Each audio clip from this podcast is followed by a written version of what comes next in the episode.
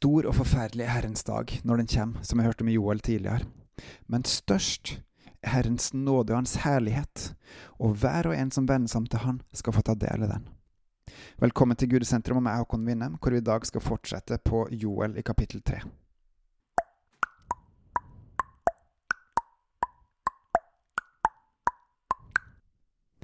Før vi hopper inn i kapittel 3 i Joel, så vil jeg lese litt fra Jesaja 31, for den trekker fram noe av det samme som Joel 1 og 2 har trukket fram.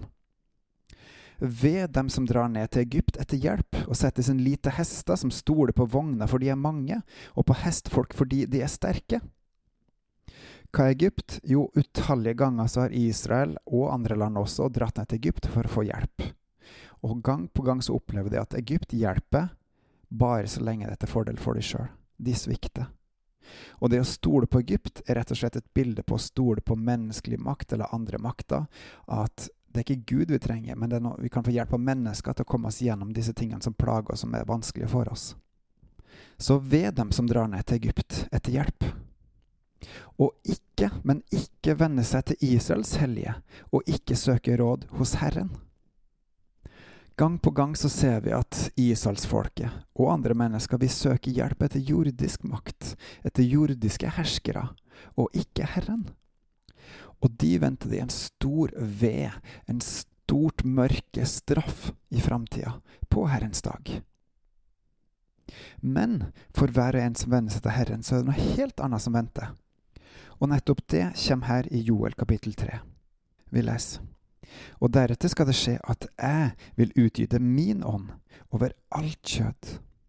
Dere skjønner at døtre skal tale profetiske ord, deres gamle menn skal ha drømmer, og deres unge menn skal se syner.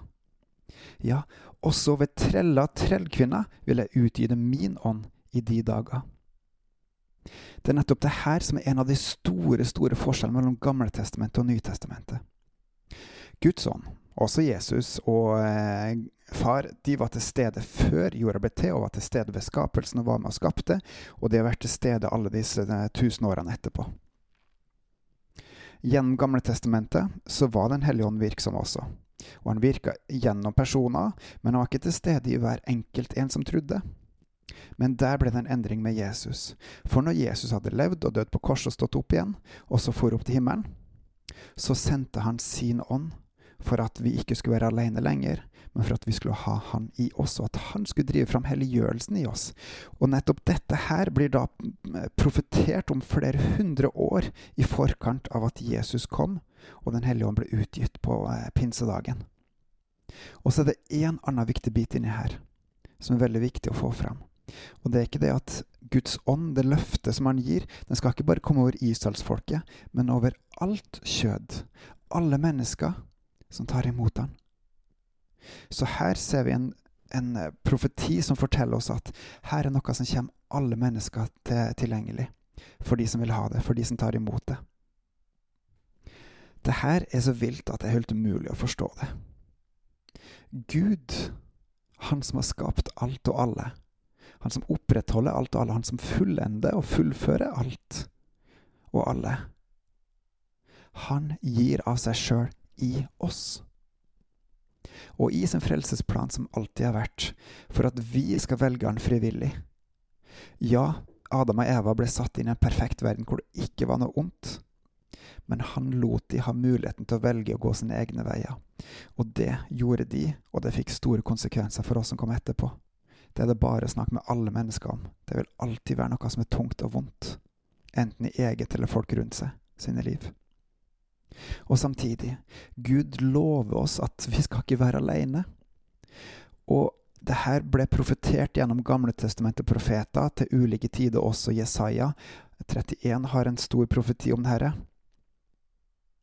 Herren er trofast, Herren holder sine løfter, og Herren er nådig, og han er rik på miskunn.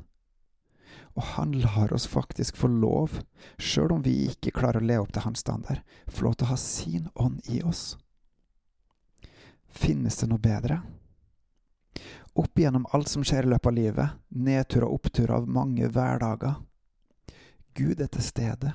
Gud er nær. Enten vi merker det eller ikke, han er hos hver og en som holder seg til han. også om du opplever at han har forlatt deg. Mens andre ganger så er han bare så boblende full av Gud at han bare ikke klarer å At han bare slipper løs alt som er, for bare juble og danse og glede seg med han. Gjennom alle disse livets opp- og nedturer, tunge stunder, gode stunder, hverdager og alt som er. Gud er, og Gud er nær, til hver og en som tror. Til hver og en som er hans sønn og datter, som tilber han i ånd og sannhet. Det er så crazy good at nå er rett og slett min oppfordring til rett og slett bare snakke litt med Den hellige ånd og bare juble og glede deg med Han over at Han bor i det.